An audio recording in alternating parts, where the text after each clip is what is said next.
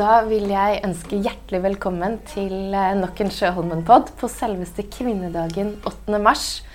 Og for oss her på Sjøholmen så tror jeg vi har 90 kvinner. eh, Og vi er et kvinnelig aksjeselskap. Vi har en mannlig styreleder.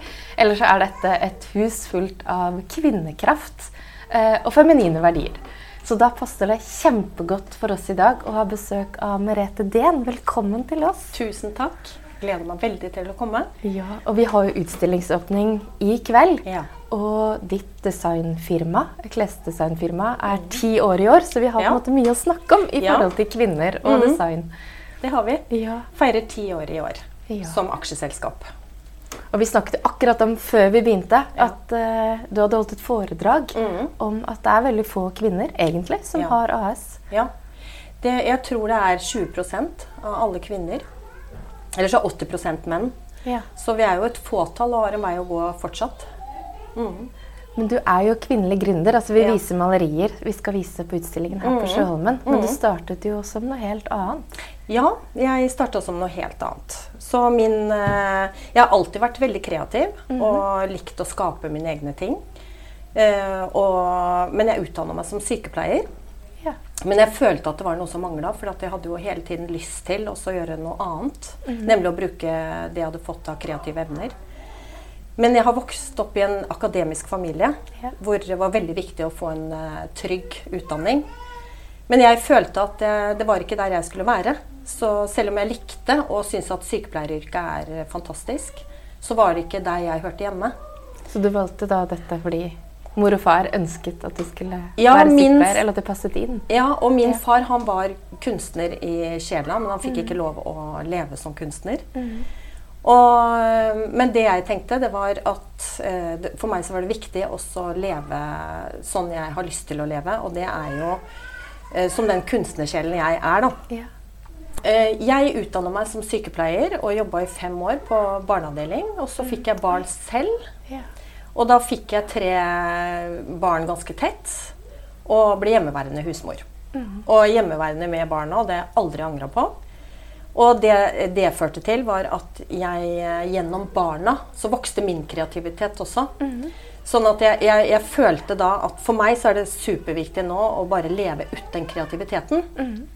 Så den begynte jo egentlig med at jeg tegna sammen med barna, gjorde, sydde og strikka og gjorde ting med de. Og jeg eh, eh, satt jo og strikka veldig ofte og eh, lagde en eh, kolleksjon med klær. For jeg begynte jo allerede da jeg var ungdom. Så når jeg var 15 år, så begynte jo jeg å strikke. Og når jeg var 18 år og på min første sydentur, så hadde jo jeg bare med klær som, eh, fra topp til tå som jeg hadde laget selv. Ja. Og det var kjoler, det var topper, det var skjørt, det var eh, bager og alt. Mm. Så jeg hadde jo ikke med noen klær jeg hadde kjøpt. Jeg hadde jo bare strikka og, og sydd Ja. alt jeg hadde. Ja. Så jeg var jo en utrolig kreativ sjel. Så hadde jeg vokst opp i en familie som, eh, som hadde på en måte tatt tak i det, da. Mm. Så, så hadde jeg nok eh, kommet mye raskere opp og fram. Du måtte bare en liten omvei. Jeg måtte bare en liten omvei, Ja. og, og jeg har jo fått veldig mye erfaring med det. Ja. Så jeg angrer ikke på noe av det jeg har gjort, for jeg har jo vært med å forme meg til den jeg er i dag. Og det at jeg var innom sykepleien, er jo veldig fantastisk. Fordi jeg elsker jo mennesker og liker å jobbe med mennesker. Bare at nå gjør jeg det på en annen måte. Ja. Så mm, eh, det jeg starta med da, det var jo eh, det kreative med å lage klær. Og så tegna jeg en møbelkolleksjon, for jeg så behovet for at vi skulle ha en eh, Vi var så stor familie, da, så var det alltid rot i gangen. Så tenkte jeg at å, det hadde vært eh, kult å ha hatt noen møbler som hadde sett sånn og sånn ut. Og så fant jeg ikke det på markedet. Nei. tenkte jeg, men hvorfor ikke tegne det selv? ja, hvorfor? Alle gjør jo det. Ja, alle gjør jo det. Så da gjorde jeg det. Og da eh, lagde jeg en, eh, en møbelkolleksjon som kunne passe til eh, både små og store familier. Også, også til eh, de som bor alene. For det var nemlig modulsystemer som jeg tegna. Ja. Så da var jeg innom Skeidar, men det var eh, litt for dyre ting å, å lage for dem. Produsere, Å ja. produsere. Men jeg fant en lokal eh, produsent, så jeg fikk jo eh, etter hvert litt omtale da, i blader. Og solgte også en del eh, moduler. Som jeg hører at folk fortsatt har glede av. Og jeg møblerte jo også hjemme hos oss med de eh, møblene. Fungerte veldig bra. Og så fikk jeg øynene litt opp, mer opp for tekstiler igjen, for det var jo der hjertet mitt brant. Det var egentlig der det startet? Ja, det var jo der det starta. Ja. Og da, det som eh, skjedde da, siden jeg også er sykepleier, så ønsker jeg å, å gjøre det til noe positivt. Så det som skjedde, var at jeg satte i gang en landsby i Peru. Og, og de eh, hadde alpakkaer gående rundt i Ja. landsbygda der. Og sendte en strikkemaskin og oppskrifter. Og lagde min første kolleksjon der nede. Og det gikk veldig bra en stund. Men etter hvert så, så vokste vi litt ut av det eh, opplegget der nede. Ja. Og, og det var heller ikke drevet på noen ekte måte. Sånn at eh, det, det var dessverre litt korrupsjon der nede. Ja. Sånn at jeg eh, gikk på en smell og Ja. tapte ganske mye penger. Ja. Og en litt sånn morsom historie derfra. Vi, eh, det var jo kvinner og menn som arbeida der nede. Og vi fikk en eh, hel eske med 12 kilo med sokker. Men jeg hadde jo ikke vært flink nok til å fortelle at når man strikker sokker, Ja. så må ett menneske strikke det paret, Ja. og ikke to stykker. For du strikker jo på en annen måte enn meg. Nettopp. Så jeg fikk jo 12 kilo med sokker som Nei, ikke gikk an å pare. så sånn eh, julesokker. Ja. ja, så var jo, det, det gikk ikke an å bruke dem. Uff. Ja, så det var jo veldig trist. Så jeg, jeg venta jo mange år med å kvitte meg med dem, for jeg syntes det var forferdelig at ikke vi fikk eh, brukt dem. Men det var umulig å få på beina, for det, det var Mm. Helt feil form også. Så dessverre, det var fine folk som jobba der nede, og jeg følte at eh, det var virkelig godt å hjelpe en landsby mm. opp og en fram. da. Ja. Men så ble det dessverre ødelagt av, av korrupsjon, da. Ja. Um, og, og hvis det her skulle bli en business, så måtte jeg gjøre det på en annen måte. Um, og så ble jeg skilt Mm. med tre barn, tenåringsbarn. Og hvis jeg skulle gjøre det her til en business, så måtte jeg også ha en produsent som fungerte optimalt. Ja. Så da starta jeg på null og flytta hjem til moren min. Og, Med tre barn? Med tre barn. Å, herregud. ja. Og der bodde jeg i ett år. Ja. Og jeg hadde ikke bil, jeg hadde ikke hus. Jeg hadde egentlig veldig dårlig med midler da. Ja. Så enten så kunne jeg begynne å jobbe som sykepleier igjen, men det var jo ikke det jeg ønska. Så jeg tenkte hvis jeg skal bli glad, ordentlig glad inni meg, så må jeg nå følge hjertet og, og gå for det. Og da sa moren min du går for det, flytt hjem til meg, det her skal du bare kjøre på med. Og det, da, da tenkte jeg åh, det var så godt at jeg fikk den støtten den gangen. Ellers så vet jeg, da hadde jeg jo ikke fått det til. Nei. Så, um, og um, ungene syntes jo også at det var fint at jeg gjorde det, for da ble jo jeg også mer glad. Mhm. Så da gønna jeg på og tok skikkelig sånn tak og danna da et aksjeselskap i 2012. Og det har jeg aldri angra på. Mm, Det jeg måtte gjøre for å få det til økonomisk sett, det var å forhåndsselge produkter. Så Ja, det- Før du satte i produksjon? Ja. Ja. Vi hadde jo ikke penger. Så jeg måtte jo bare bruke all min kreativitet for å få det her til. Men du tegnet kolleksjonene selv? Og du, Mhm. ja. mm. Jeg har tegna alt selv. Først så Ja. begynte jeg å strikke alle prøver selv.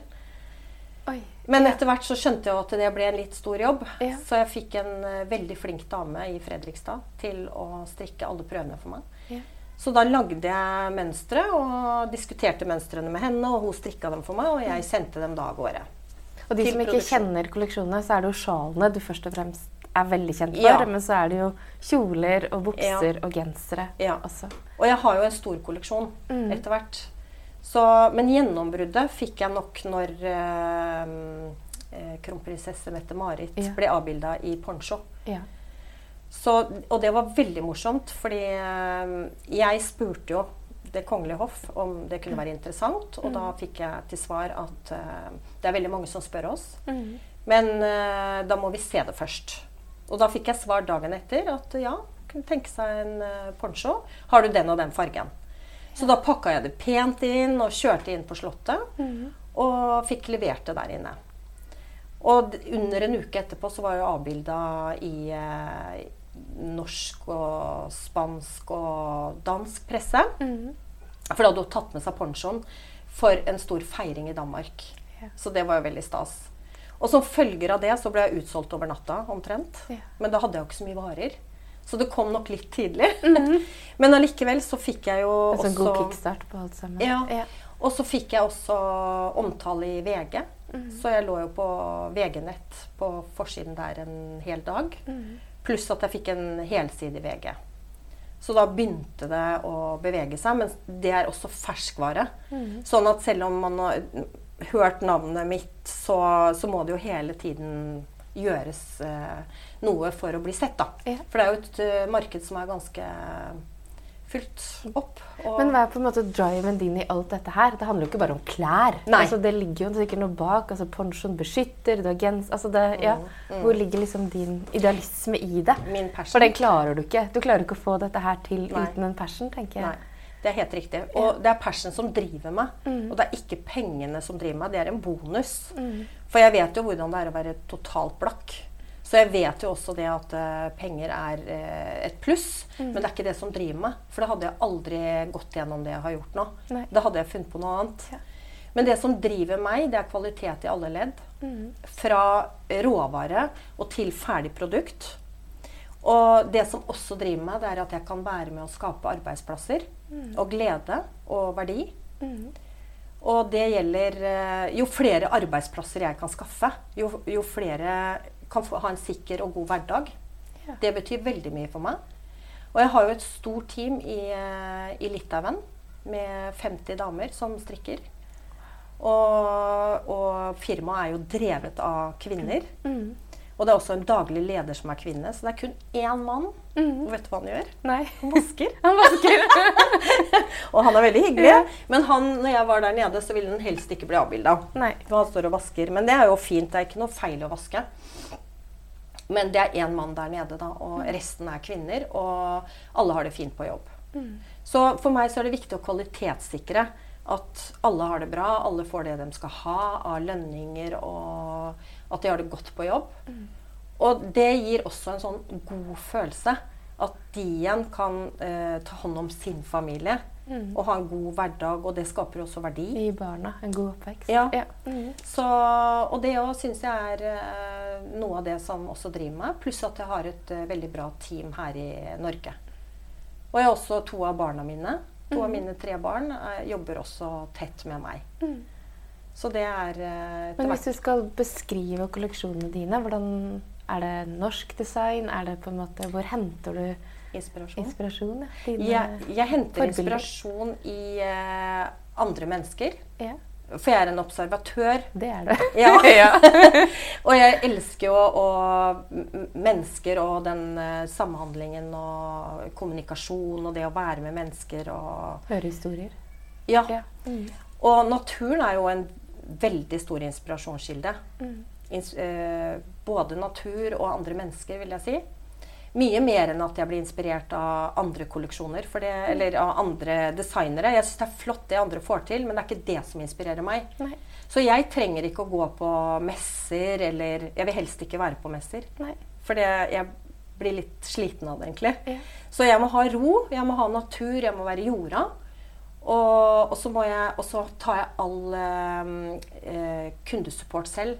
Så jeg snakker veldig mye med kundene og spør hva de liker. Mm. Og da får jeg også veldig mye svar. Mm. Og det er den måten jeg kan eh, kvalitetssikre og gjøre produktene mine og kolleksjonene mine mye bedre. Bedre og bedre og bedre. Det er jo målet. Mm. Og det som jeg syns er utrolig morsomt, det er at um, når først en jente har kjøpt et sjal, så skal hele venninnegjengen ha. Ja. Det er gøy. ja. Da har du truffet, tenker jeg. Ja. Men du, nede henger det Du tok med 40 bilder som vi begynte å Ja. montere i går. Eh, hva skjedde fra overgangen fra klær, design, strikk til maleri? Når skjedde dette? Det skjedde under covid. For det starta også en hel tankeprosess hos meg. For det skjedde jo så mye globalt Ja. så, som også påvirka meg. Eh, Pluss at eh, det har vært en ny tid på, på flere måter. Mm.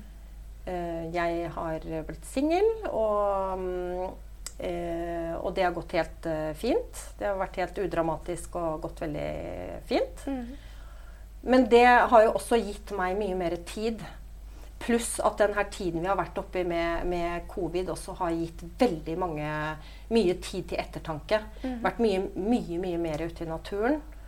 Og setter også mye mer pris på det mellommenneskelige. Man ser hverandre på en annen måte. Mm. For nå, nå var det jo eh, en periode vi måtte gå med munnbind, og vi fikk ikke lov til å klemme hverandre og skulle holde meteren og og for meg som er så glad i mennesker, så syns jeg det har vært veldig utfordrende. Mm. Å ikke kunne vise kjærlighet på den måten.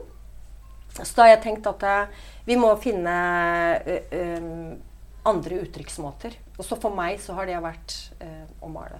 Ja. Men hvordan tenker du at dette manifesteres i bildene dine? For du har på en måte litt to eh, stemninger eller landskap der nede. Det er på en Mm. måte de som er litt mer jorda, Ja. som er på en måte disse øye, livmoren eller en Ja. Og så har du disse sjakrabildene med glade farger, Mm. som er litt den ja, stemningen vi har Mm. her. Ja.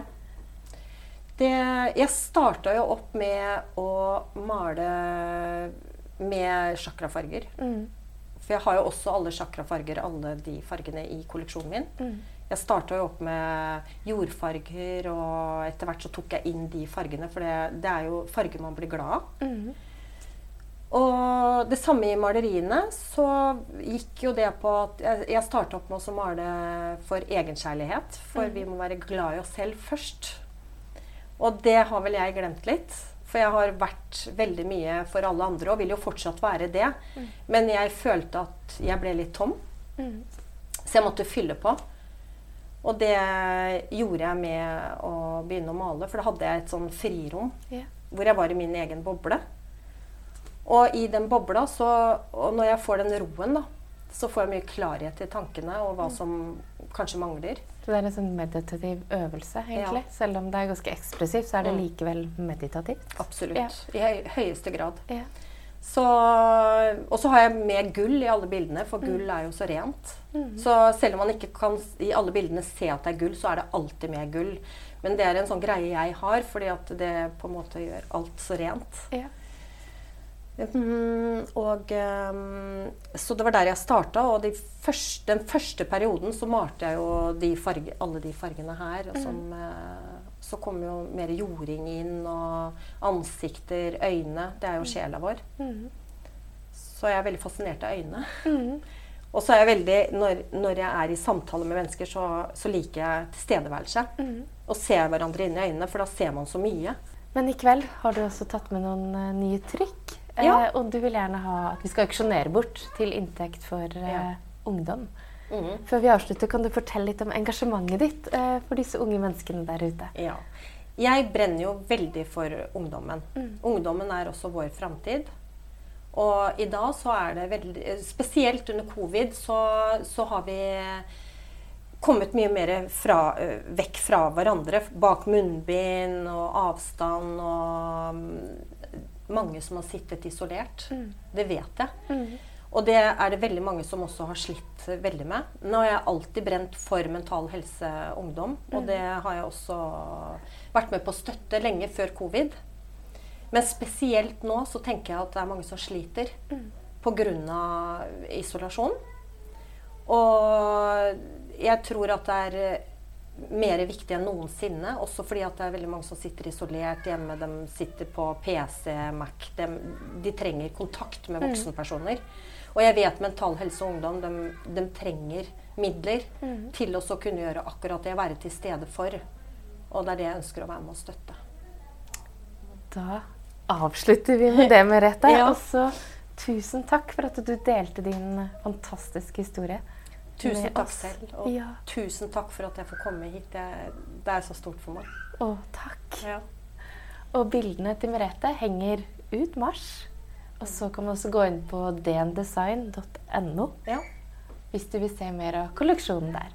Så da takker jeg bare for i dag på kvinnedagen, og gratulerer med dagen til alle kvinner der ute.